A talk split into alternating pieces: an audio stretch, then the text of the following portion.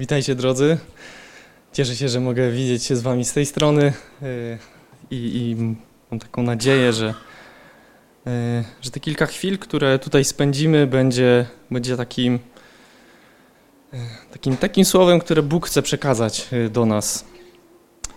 Na początek pytanie. Czy zdarzyło ci się kiedyś wezwać policję? Przemyślcie, czy kiedyś taka sytuacja się wydarzyła? Bo zazwyczaj po policję dzwoni osoba, która czuje się bardziej poszkodowana. Na przykład w kolizji drogowej tego numeru 997 prawdopodobnie nie wykręci sprawca.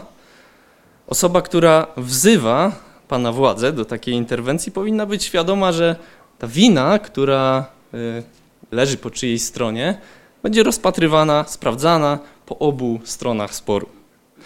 I zakładam oczywiście taką ideową wersję wydarzeń, czyli brak skorumpowania tych państwa, którzy przyjeżdżają w mundurach. I w tych okolicznościach takim głupstwem byłoby sprowadzać, spowodować kolizję, tak? a później oczekiwać, że ten werdykt będzie po naszej stronie, nawet jeśli to my pierwsi chwyciliśmy za słuchawkę. Myślę, że ta analogia pomoże nam nieco lepiej zrozumieć sytuację człowieka, mm, o którym dziś trochę więcej się dowiemy, o którego w zasadzie modlitwie będziemy y, dziś nieco więcej y, tutaj wiedzieć. Także zajmiemy się y, krótko przesłaniem płynącym z Psalmu 35. Przeczytajmy go wspólnie, otwórzmy Psalm 35.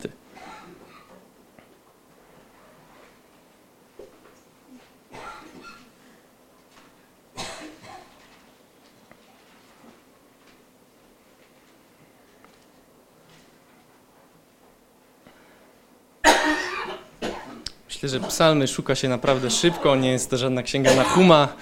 E, tak więc e, psalm 35, przeczytajmy go wspólnie, odczytam go e, z przekładu dosłownego.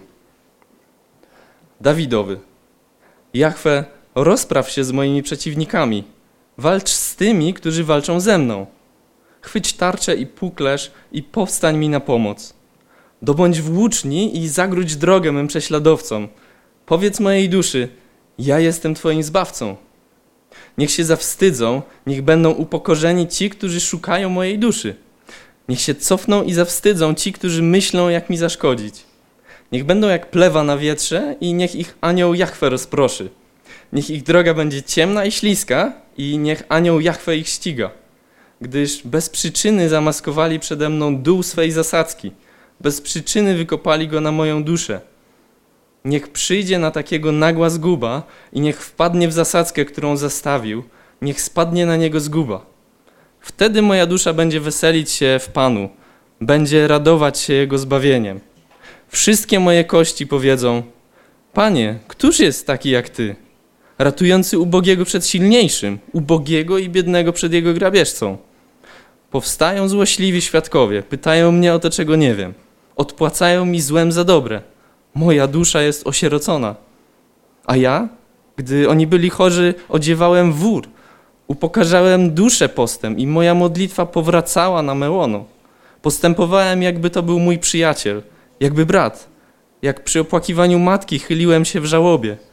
Lecz ich mój upadek ucieszył i zeszli razem, zgromadzili się przeciwko mnie, pobici, o czym nie wiedziałem, i szarpią bezustannie. Jak sprośni kpiarze w czasie uczty zgrzytają na mnie swymi zębami. Panie, jak długo będziesz się temu przyglądał? Uchroń moją duszę przed ich niegodziwością, moją jedyną przed tymi młodymi lwami. Podziękuję Ci w wielkim zgromadzeniu. Wobec licznego ludu będę Ciebie chwalił. Niech moi nieprzyjaciele bezpodstawnie nie radują się z mojego powodu. Niech ci, którzy mnie bez przyczyny nienawidzą, nie mrugają okiem bo nie mówią o pokoju, lecz przeciw spokojnym w kraju zmyślają fałszywe słowa. Rozdziawiają na mnie swoje usta, mówią: Ha, ha, zobaczyliśmy na własne oczy. Widziałeś to, panie, nie milcz. Panie, nie bądź ode mnie daleki. Ocknij się, obudź się na mój sąd. Mój Boże i Panie, wstań do sporu o mnie. Sądź mnie według swojej sprawiedliwości, Panie mój Boże, i niech nie śmieją się z mojego powodu. Niech nie mówią w swoim sercu, ha, spełniły się nasze pragnienia. Niech nie mówią, połknęliśmy go. Niech się zawstydzą i zarumienią wszyscy, którzy cieszą się z mojego nieszczęścia. Niech okryją się wstydem i hańbą ci, którzy nade mnie się wynoszą. Niech natomiast wiwatują i cieszą się ci, którzy pragną mojej sprawiedliwości. Niech mówią nieustannie: Wielki jest Pan, który pragnie pokoju swego sługi. Wtedy mój język będzie ogłaszał Twoją sprawiedliwość i przez cały dzień Twoją chwałę. Całkiem obszerny psalm, 28 wersetów. I na początek możemy zadać sobie pytanie, czy ma on jakieś cechy, cechy szczególne. W tytule nie dostrzegamy nic, co dawałoby nam jakąś bardzo precyzyjną wskazówkę co do kontekstu. Wiemy jedynie, że autorem tego psalmu jest Dawid, jak w większości psalmów. Jako ludzie Nowego Przymierza chyba nie jesteśmy przyzwyczajeni do takiego stylu, który prezentuje Dawid. Ja przynajmniej nie byłem y, do niego przyzwyczajony. Z Psalmu 35 dochodzą do nas naprawdę ostre słowa. Autor prosi Boga o pokonanie wrogów. Kiedy przemierzamy przez Księgę Psalmów, to możemy natknąć się na podobny klimat w łagodniejszym, ale też i w ostrzejszym, cięższym wydaniu. Przerzucając kartki tej księgi, która znajduje się mniej więcej w środku Biblii, można zobaczyć mało ofensywny, a jednak podobny psalm siódmy, albo taki ostry, twardy psalm 109. I nasz dzisiejszy psalm 35 znajduje się mniej więcej pomiędzy tymi skrajnościami. I też bibliści twierdzą, że trudno przypisać ten psalm do jakiegoś konkretnego miejsca w życiu Dawida. Jedynie początek utworu tutaj formuje podobne słowa, co tekst z pierwszej Samuelowej, z 24 rozdziału, z 15 wersetu i to jest po prostu kontekst, kiedy Dawid ucieka przed Saulem. Nie będziemy w to wchodzić, więc może to być jedna z wielu sytuacji życia Dawida, w której musiał on ubiegać, uciekać przed swoimi wrogami. Niezależnie od tych precyzyjnych okoliczności, które przekazuje nam ten psalm, może wydawać nam się nie na miejscu to, co mówi ten Boży człowiek. I przyznam, że nie przypominam sobie y, przynajmniej ostatnio takiego zwiastowania Słowa Bożego z podobnego fragmentu, tak? Bo trzeba przyznać, że ten psalm jest naprawdę specyficzny i charakterystyczny. Jednak mimo wszystko on znajduje się w naszych Bibliach i kiedy wejdziemy w niego, to dostrzeżemy, że niesie on sobie wartościowe przesłanie. Żeby dostrzec potencjał tego cały czas mówię, nieoczywistego psalmu, warto się zatrzymać przed Bogiem i popatrzeć na to, jakie ja sam mam nastawienie do czasu konfliktu. Jakie emocje targają mną w takim czasie nieprzychylnych wydarzeń? Czy potrafię być jak taka maszyna, która nie ma emocji, która pomimo, że się pali i wali, rzeczywistość idzie po swoje? Zobaczmy więc tą głębię, która się kryje pod tym pierwszym powierzchownym odczytaniem 35 psalmu. Co do podziału, cały psalm można podzielić na dwie części. Pierwsza, mniej więcej do 18 wersetu, opisuje Dawida i jego przeciwników. Od tego wersetu 19 jest to bardziej modlitwa o obronę, ale pomimo to cały tekst można potraktować jako modlitwę, jako słowa, które Dawid wypowiada przed Bogiem. I najpierw od wersetu pierwszego do trzeciego można właśnie zobaczyć, że Dawid kieruje swoje słowa do Boga. Dawid błaga go o ochronę. Inaczej dzieląc ten psalm, można by dorzucić nawet te pierwsze trzy wersety do tej części od wersetu 19. Tak jak zapytałem retorycznie chwilkę wcześniej, jako ludzie nie potrafimy być jak takie bezduszne maszyny, które nie przeżywają emocji. Wierzę, że nawet osoby, które z pozoru wydają się być niewylewne, to mają w sobie różne odczucia. I w zależności od sytuacji, to życie poruszy struny naszej duszy mniej lub czasem bardziej dotkliwie. Kiedy czytałem ten psalm po raz pierwszy z, z tych kilku, to miałem mocne znaki zapytania wobec moralności Dawida. Wyobraźcie sobie człowieka nowego przymierza, który wyraża się w ten sposób o swoich nieprzyjaciołach. Bo czy sługa Boży powinien dopuścić do serca w ogóle takie myśli? No i oczywiście nie ma człowieka bez wady, nie licząc Jezusa, ale czy ten fragment mamy odbierać w jakikolwiek sposób jako wzór do naśladowania? Czy podejście Dawida nie jest tu takie mocno starotestamentowe, czyli oko za oko, ząb za ząb? I odpowiedź była dla mnie nieoczywista. Przy tym studium zwróciłem uwagę na odbiorcę, przede wszystkim na to, do kogo mówi Dawid. Oczywiste jest, że słowa, które on opisuje, są po prostu przekleństwem.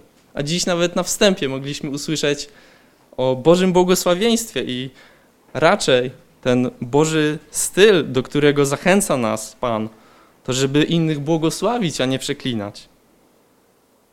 Dziecko Boże wie, że jego, jego rolą jest to, żeby być błogosławieństwem dla innych, nie żeby bluzgać na innych, tak?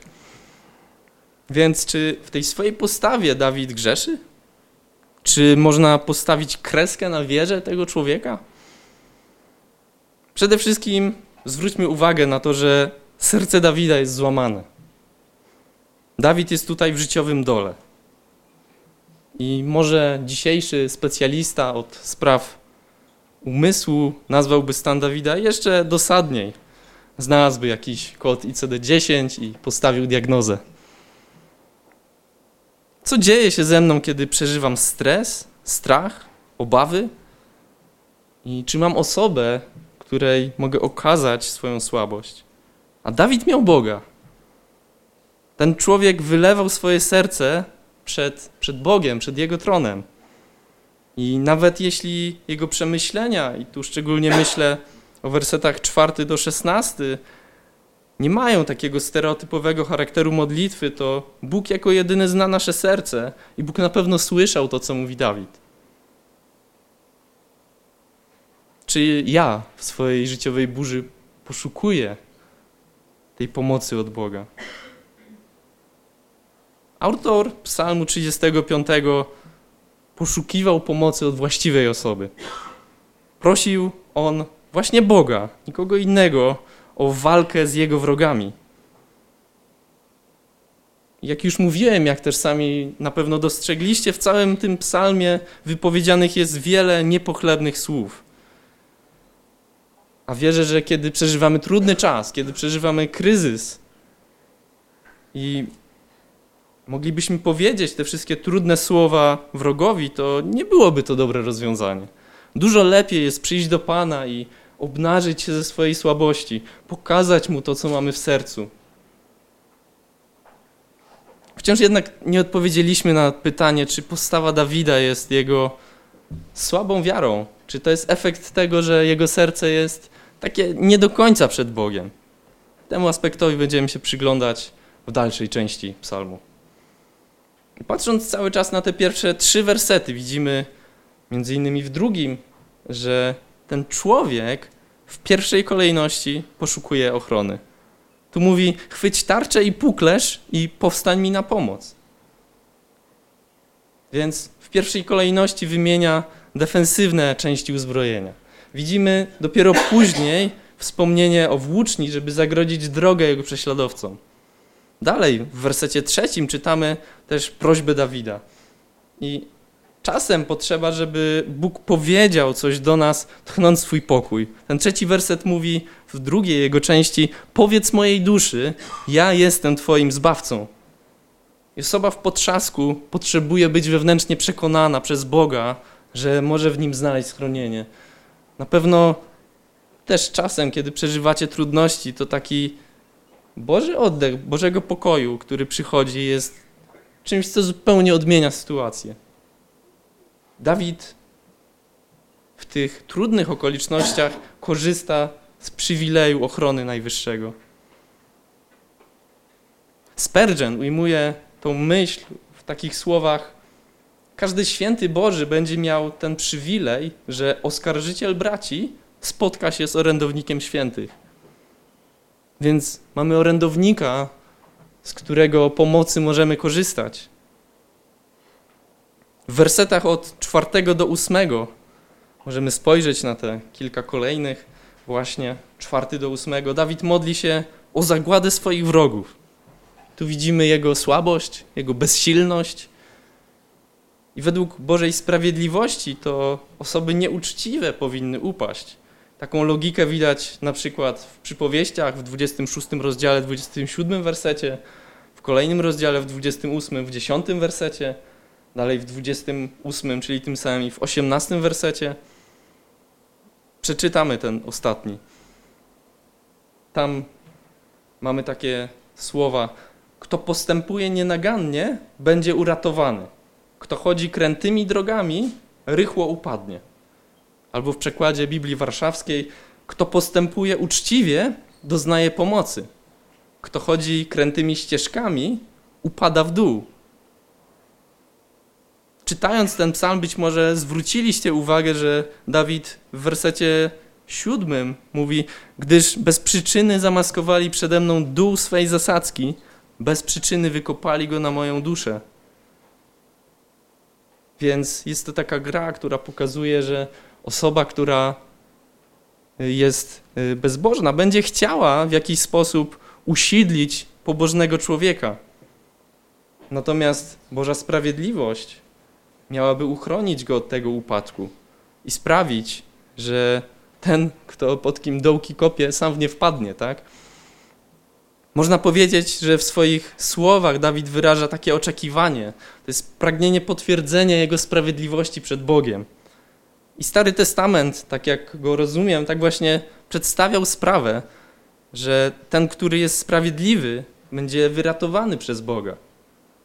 I ten pomyślny bieg wydarzeń miał być oznaką potwierdzenia bycia osobą sprawiedliwą. Choć widzimy wiele sytuacji, w których tak się nie wydarzyło, chociażby y, patrząc na losy niektórych proroków, widzimy, że, że czasem musieli oni wiele wycierpieć. Jakkolwiek możemy przypuszczać, że to nie serce pełne nienawiści kierowało Dawidem, to raczej taka chęć, takie pragnienie uznania sprawiedliwości. Złe losy wroga tu miały być potwierdzeniem tej logiki, że to Boża zemsta nie byłaby celem samym w sobie, ale to wyratowanie przez Boga. I to jest taki sposób miary sprawiedliwości zupełnie nie z czasów Nowego Przymierza. I dziś nasze potwierdzenie sprawiedliwości nie jest zdefiniowane w tym, że nie powiedzie się osobie, z którą masz na pieńku. Dziś to potwierdzenie sprawiedliwości powinniśmy odnajdywać właśnie w Jezusie. Wierzę, że to On jest moją sprawiedliwością i będąc schowany w Nim, a nie patrząc na sytuację, jak dzieje się z kimś, z kim nie mam po drodze, to to właśnie w Jezusie jest schowana moja odpowiedź na to, y, czy jestem pogodzony z Bogiem, czy jestem usprawiedliwiony przez Boga, czy jestem uznany. Więc Dawid pojmuje tę sprawę w nieco inny sposób. Więc jako osoby żyjące w czasach Nowego Przymierza musimy nieco inaczej popatrzeć na Psalm 35. I mam nadzieję, że nikt nie poczuje się zachęcony do tego, żeby wychodząc z tego miejsca przeklinać osoby, które są nam nieprzychylne. W kolejnych wersetach Dawid jest bogobojny na miarę systemu Starego Przymierza. Dla nas takim dobrym odniesieniem tego, jak powinniśmy się zachować, jest Rzymian 12 rozdział i tu nie będziemy go odczytywać, niemniej on mówi o postawie pełnej pokoju, o postawie braku zemsty, o postawie wsparcia wobec wrogów. I oczywiście to wszystko, o ile, o ile to od nas zależy. A co do Dawida, to wierzę, że może się on odważyć na takie krytyczne słowa w tym czasie wyłącznie z jednego powodu. Wierzę, że ten człowiek musiał być przekonany, że w stu procentach pełni Boże zamiary. Inaczej to Boże zwycięstwo nie byłoby Jego zwycięstwem. Możemy bez cienia wątpliwości stwierdzić, że Bóg będzie bronił swoich interesów i przyzna się do swoich spraw. Jeśli nie stoję zupełnie w Bożej sprawie, to zwycięstwo Boga nie stanie się moim zwycięstwem. Wezwanie Boga jako sędziego jest obarczone też takim ryzykiem, dlatego że Bóg jest sprawiedliwy. I wołanie do Niego, żeby okazał tą właśnie swoją sprawiedliwość, jest prośbą, żeby Bóg zastosował ją obustronnie, bez taryfy ulgowej dla osoby, która wzywa tej sprawiedliwości. Podobnie jak wezwanie policji powinno wiązać się z rozpatrzeniem wykroczenia po obu stronach sporu. Tak? Tu przyjmuję, że nikt nie jest skorumpowany. Bóg nie jest jak taki silniejszy kolega, który postraszy Twojego wroga na każde Twoje wezwanie. Bóg zainterweniuje tam, gdzie złamana została Jego sprawiedliwość, a niekoniecznie ta sprawiedliwość, którą Ty uważasz za to poprawną. Więc czasem możemy jak gdyby ukręcić bat na samych siebie, myśląc, że jesteśmy w porządku przed Panem. I dla pokazania tego, jak różnie możemy postrzegać swoją sprawiedliwość, przytoczę słowa jednego ze zbrodniarzy wojennych II wojny światowej, który w przemówieniu w Monachium w 1922 roku, i to są dane Instytutu Pamięci Narodowej, więc, więc bardzo y, pewne źródło, tam czytamy. Moje uczucia jako chrześcijanina wiodą mnie do mojego Pana i Zbawcy, w którym dostrzegam wielkiego wojownika. Jako chrześcijanin nie mogę pozwolić się oszukiwać. Jako chrześcijanin mam obowiązek walczyć o prawdę i sprawiedliwość. Powiem, że to są słowa Adolfa Hitlera. Znając zupełne bestialstwo tego człowieka, możemy dostrzec, jak on postrzegał sprawiedliwość. Jego podejście do życia zupełnie nie przeszkadzało mu powoływać się na Boga. Jeden z polskich autorów w piosence Niemiłość śpiewa: Jesteś z nami czy przeciw? Mamy gaz i kastety. Bóg jest z nami. Nie wiem, czy wiesz. I te przykłady pokazują mi, że lubimy jako ludzie, jako swoją sprawiedliwość uznawać, że Bóg myśli właśnie tak samo to, że my uważamy coś za poprawne, dobre, a nie jest to potwierdzone, może doprowadzić nas do sytuacji, w której znajdujemy się w ogromnym błędzie. Możemy myśleć, że Bóg stoi po naszej stronie, podczas gdy sytuacja jest zupełnie inna. Jeśli uważamy, że Bóg jest z nami tak zupełnie bez refleksji nad jakimkolwiek potwierdzeniem z Jego strony, to może okazać się, że jesteśmy zupełnie pogubieni. W wersecie dziewiątym i dziesiątym widzimy, że Dawid nie zakłada swojej sprawiedliwości przed Bogiem bez jakiegokolwiek potwierdzenia. Dawid sugeruje, że gdy Pan potwierdzi jego sprawiedliwość, to on uwielbi Boga za jego wybawienie. Więc Dawid czeka na ruch z Bożej strony. Dawid pozostawia miejsce na swoją omylność. To Bóg, a nie Dawid, jest osobą mającą ostateczny werdykt w sporze. I tutaj ważną kwestią dla mnie jest źródło radości psalmisty. On pisze: Wtedy moja dusza będzie się weselić w Panu, będzie radować się Jego zbawieniem. I tutaj widzimy, że jego wdzięczność dotyczy zbawienia, tak? czyli doświadczonej ochrony. Więc przede wszystkim on zwraca uwagę na to, że został wybawiony, a nie na to, że jego wróg został pognębiony, pomimo że jedno niesie ze sobą drugie. Dawid wspomina tu też taką wspaniałą cechę Boga. Pan jest tu opisany jako ratujący. To widać w dziesiątym wersecie. I ten obraz, który jest namalowany opisem Boga, daje powody, żeby ufać Panu. Nawet jeśli w jakiejś sprawie jesteś ubogi, jesteś biedny, ale jednocześnie ufasz Panu, to On ma moc, żeby cię uratować. Dawid wspomina te kwestie, pomimo że jeszcze oczekuje, aż ratunek nadejdzie. Więc nie mówi, że, że Bóg ratuje po tym ratunku, kiedy już spokojnie patrzy na sytuację z dystansu, ale wypowiada te słowa pełne zaufania jeszcze kiedy znajduje się w potrzasku i jeszcze kiedy ta Boża pomoc nie nadeszła. Psalmista zna więc Boga. Jego postawa jest zachętą, żeby nie poddawać się w doświadczeniach wiary.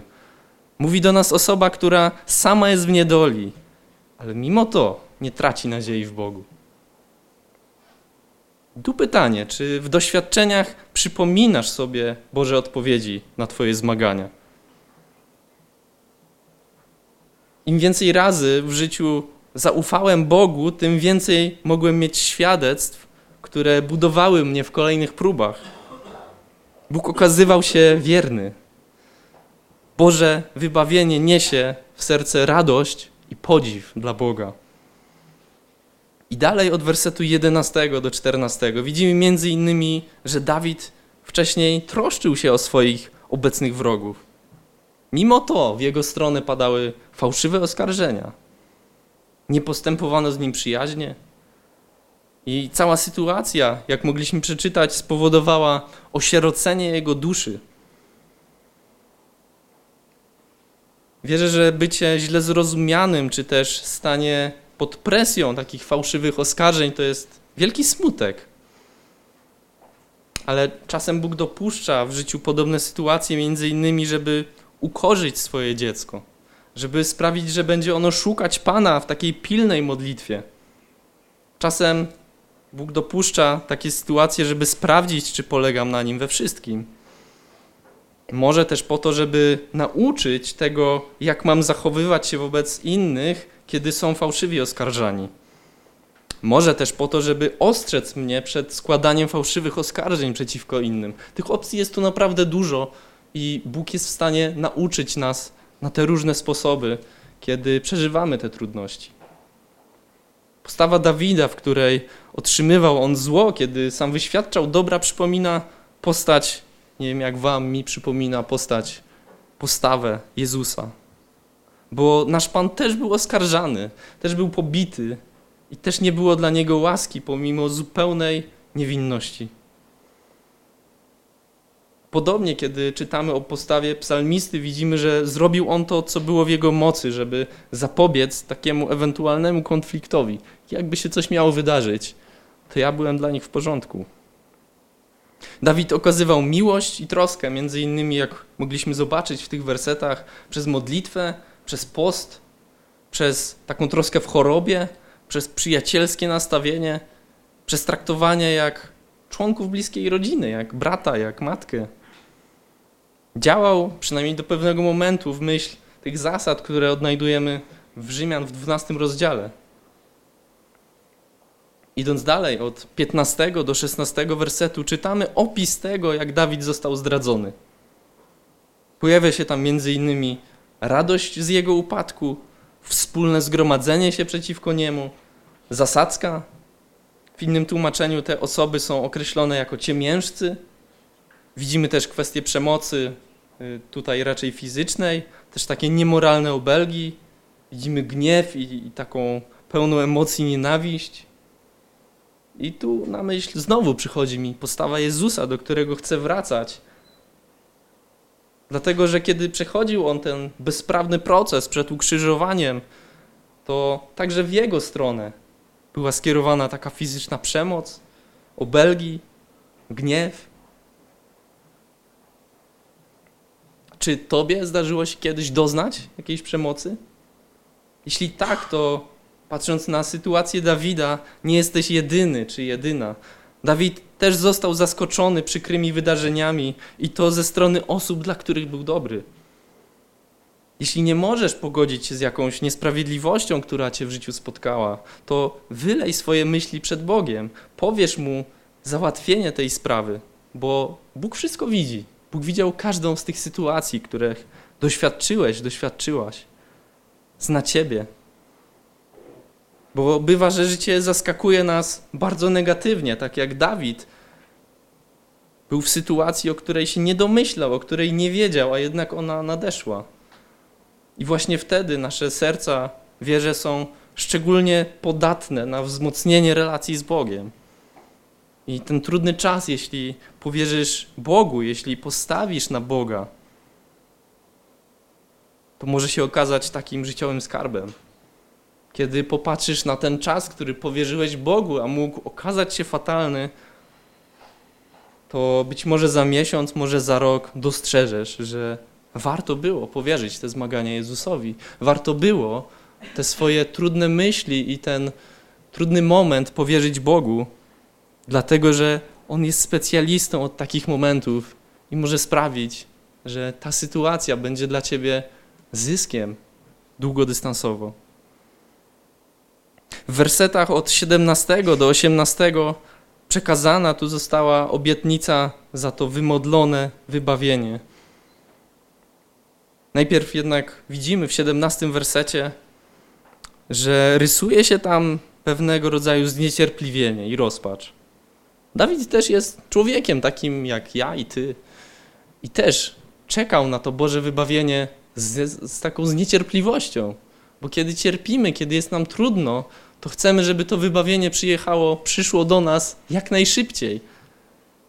Nie jesteśmy w stanie dłużej czegoś wytrzymać. Kiedy pojawiają się kryzysowe momenty, to ten nagły ratunek jest na wagę złota. Jeśli jest naprawdę źle, to jesteśmy też skłonni oddać rzeczy, które są dla nas cenne, byle tylko uwolnić z takiej opresji. I też w kontekście Boga jest to często bardzo owocny czas, bo niewiele nam zostaje i, i to jesteśmy, jesteśmy w tym tacy bardziej ufni, jesteśmy pełni wiary, jesteśmy bardziej skłonni niż zwykle do tego, żeby to, co nam tak komfortowo szło, to, co było dla nas taką ciepłą normalnością, żeby to wszystko powierzyć Bogu. Bóg często działa właśnie przez taki okres trudu. Prawdopodobnie często z własnej woli nie oddalibyśmy, nie bylibyśmy chętni na zmiany, na oddanie tego, co jest dla nas komfortowe, tak? Tacy jesteśmy. Nawet jeśli coś wyszłoby nam na dobre, to bez tego życiowego zamieszania moglibyśmy nigdy nie móc wydostać się ze swoich złych przyzwyczajeń. Tak więc te wielkie niedole czasem bardzo mocno służą Bożej sprawie. I werset 18 dla mnie jest świadectwem tego, że czasem te życiowe zmagania są potrzebne. Dawid zapowiada w nim, że odda Bogu chwałę wobec wielu ludzi. Więc kiedy popatrzymy na jeszcze inne miejsca psalmów, to zobaczymy, że niejednokrotnie Dawid zwraca uwagę na to jawne uwielbienie Boga. To jest między innymi w psalmie 35, 52 czy 145, czy w innych. Im bardziej ta postawa szczerej wdzięczności wobec Boga jest transparentna, tak? czyli jesteśmy z nią otwarci, tym więcej chwały przychodzi dla Boga. Na początku, kiedy wspomniałem, że ten psalm 35 można podzielić na dwie części, mm, to nie powiedziałem, że to jest taki podział trochę nieproporcjonalny, bo ta pierwsza część ma zdecydowanie więcej wersetów. I kiedy zaraz przejdziemy w tą drugą od wersetu 19, to zobaczymy, że, że jest ona zdecydowanie krótsza. Można ją zatytułować jako modlitwa o obronę, pomimo że cały psalm w jakiejś, w jakimś formie jest, jest właśnie modlitwą. Więc od wersetu 19 do 22, tak, cały czas jesteśmy w psalmie 35, pokazane są powody Dawida do obrony przed wrogiem. I wiemy, że kiedy nasz wróg się cieszy z powodu naszego niepowodzenia, jeśli w przypadku Dawida jego nieprzyjaciele mieli powód do radości z jego powodu, y, to był taki dla nich jasny komunikat, jasny sygnał, że mogli bezkarnie łamać prawa wierzącego. Więc ten brak nadejścia Bożej obrony to jest czasem dla nas powód do tego, żeby nasza wiara się podłamała żeby się skruszyła.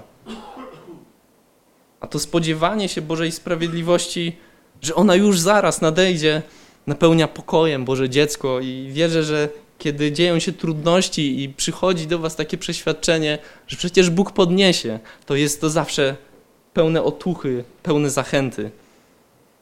Gdyby Pan nie reagował, to Kościół mógłby mieć powody do nieufności, Bóg jednak w zupełnie suwerenny sposób wybiera czas, formę, miejsce pomocy. Jeśli wyobrażam sobie, że Bóg zareaguje tak, jak to sobie sam wymyślę, to wtedy mogę się zawieść. To jest właśnie powód do tego, żeby zawieść się Bogiem, kiedy niewłaściwie wyobrażam sobie, jak ta pomoc powinna wyglądać. To jest jednak wtedy zawiedzenie się swoimi błędnymi założeniami, a nie tym, czy Bóg jest suwerenny, czy potrafi, czy może, czy jest dobry. I wielka szkoda, kiedy w takich trudnych okolicznościach winimy Boga. Psalmista żył w takich czasach, gdzie bardzo trudno było obronić się przed zeznaniami fałszywych świadków. Dziś możemy dostarczyć różnego rodzaju dowody. Natomiast w czasach Dawida tacy ludzie mogli pogrążyć sprawiedliwego, kiedy przychodziła druga osoba, kłamała i nie było nagrań z monitoringu, nie było y, jakichś y, zapisów, y, może rozmów, które mogłyby świadczyć o tym, że jest to zupełna nieprawda. I w takich okolicznościach ta Boża pomoc była tym bardziej potrzebna. Kiedy patrzymy na ten fragment między 19 a 22 wersetem dalej, to znajduje się tam jeszcze inna, wierzę, bardzo cenna myśl. Dawid błaga, żeby Bóg nie był od niego daleki. I nie tylko w czasie trudu, ale wtedy jak najbardziej szczególnie też potrzebujemy tej bliskości Boga. Kiedy przychodzi kryzys, oczywiście jest ona na wagę złota, natomiast wierzę, że ta Boża obecność i trwanie w niej powinna być dla nas istotna, a jest cenna, niezależnie od okresu, jaki mamy w życiu. Obecność Boga niesie pokój i stabilizację. I przynajmniej dla mnie, bez tej Bożej obecności, bez Bożego pokoju, moje myśli nie mogłyby znaleźć ukojenia, dlatego że Bóg jest prawdziwym pokojem. Pan leczy dokładnie tam, gdzie człowieka boli. Prostuje to, co krzywe. Wprowadza taki świeży powiew w takie zastane miejsca. Boży wpływ jest nie do przecenienia, przynajmniej ja w życiu nie znalazłem takiego wpływu, który byłby równowarty do tego, co niesie Bóg, kiedy przychodzi ten Jego prawdziwy, głęboki pokój. I ten, kto doświadczył tego Bożego pokoju w trudnych sytuacjach, ten wie, o czym mówię. Jest coś, czego nie da się tak po prostu opisać. Boża bliskość jest jak takie oczyszczenie i opatrzenie rany. To jest coś, czego każdy z nas potrzebuje. Idąc dalej, od 23 do 26 wersetu pada prośba o Bożą obronę. I psalmista jasno wskazuje, jak powinno wyglądać wołanie do Boga, kiedy bardzo nam na czymś zależy. Postawa Dawida jest tutaj pełna świadomości zależności od Boga, jest pełna pokory, jest pełna szacunku do tej siły Bożego wpływu. W 24 wersecie Dawid wspomina sprawiedliwość Boga, a sąd, który jest sprawiedliwy, oznacza te same normy prawne dla obu stron. Więc to, że Dawid powołuje się na sprawiedliwy sąd Boga, oznacza, że uważa on, że ma czyste serce. Inaczej bowiem miałby obawę, że nie tylko wrogowi, ale i jemu dostanie się według tej Bożej sprawiedliwości. Taka postawa mnie zachęca do życia, w którym sprawdzam mój stan serca przed Bogiem. Kiedy przyjdą złe dni, mogę z nadzieją, z ufnością zawołać do Boga, który na bieżąco wie, w którym ja na bieżąco wiem, że jestem przed Bogiem pogodzony, w którym na bieżąco reguluję sprawy czystości mojego serca. A nie muszę nikomu tłumaczyć, że kiedy mamy czyste sumienie, to żyje się po prostu lżej i możemy wiedzieć, że będziemy w Bogu mieli pomocnika. Nie trzeba się obawiać, że ktoś nas skontroluje, że sprawdzi to, co może próbuje ukryć, że ktoś zniszczy taki obraz, który ludzie mają na mój temat. Dawid, jak czytamy, ma tu jeszcze jedno pragnienie. Prosi Boga, żeby jego wrogowie się zawstydzili Może zauważyliście, że wstyd bezbożnych jest raczej rzadkim obrazem w społeczeństwie, które jest zdeprawowane. Natomiast my sami, jako wierzący, możemy mieć wpływ na nasze w jakiś sposób lokalne społeczeństwa. Czy jeśli masz sprawy pod swoją opieką, to bezbożny wstydzi się, kiedy ty zobaczysz, co robi. Jeśli zarządzasz, albo jeśli prowadzisz firmę, to czy osoby, z którymi współpracujesz, wiedzą, że jeśli chcą coś nakręcić, to lepiej, żeby nie działać z tobą. Lepiej, żebyś ty tego nie widział, bo ty byś nie pochwalił takiego zachowania. Czy prowadzisz swoje życiowe sprawy tak, żebyś nie musiał rumienić się przed Bogiem? I ostatnie dwa wersety, 27 i 28, w nich pojawia się prośba, żeby Boży ludzie doświadczyli radości z powodu obrony Dawida. Radość dla Kościoła przychodzi, kiedy w pozytywny sposób odwraca się sytuacja pobożnego. Nie wiem, czy zgodzicie się ze mną, natomiast w moim przeświadczeniu Kościół jest pełen słabych ludzi. Czasem patrząc z boku, wydaje się, że w danej sytuacji nic nie wskazuje na możliwość zmiany.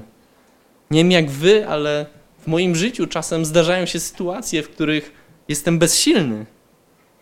Kiedy jednak Bóg odmienia tą rzeczywistość, to i dla Kościoła, dla ludu Pana to jest świadectwo i powód do dumy ze swojego Zbawiciela.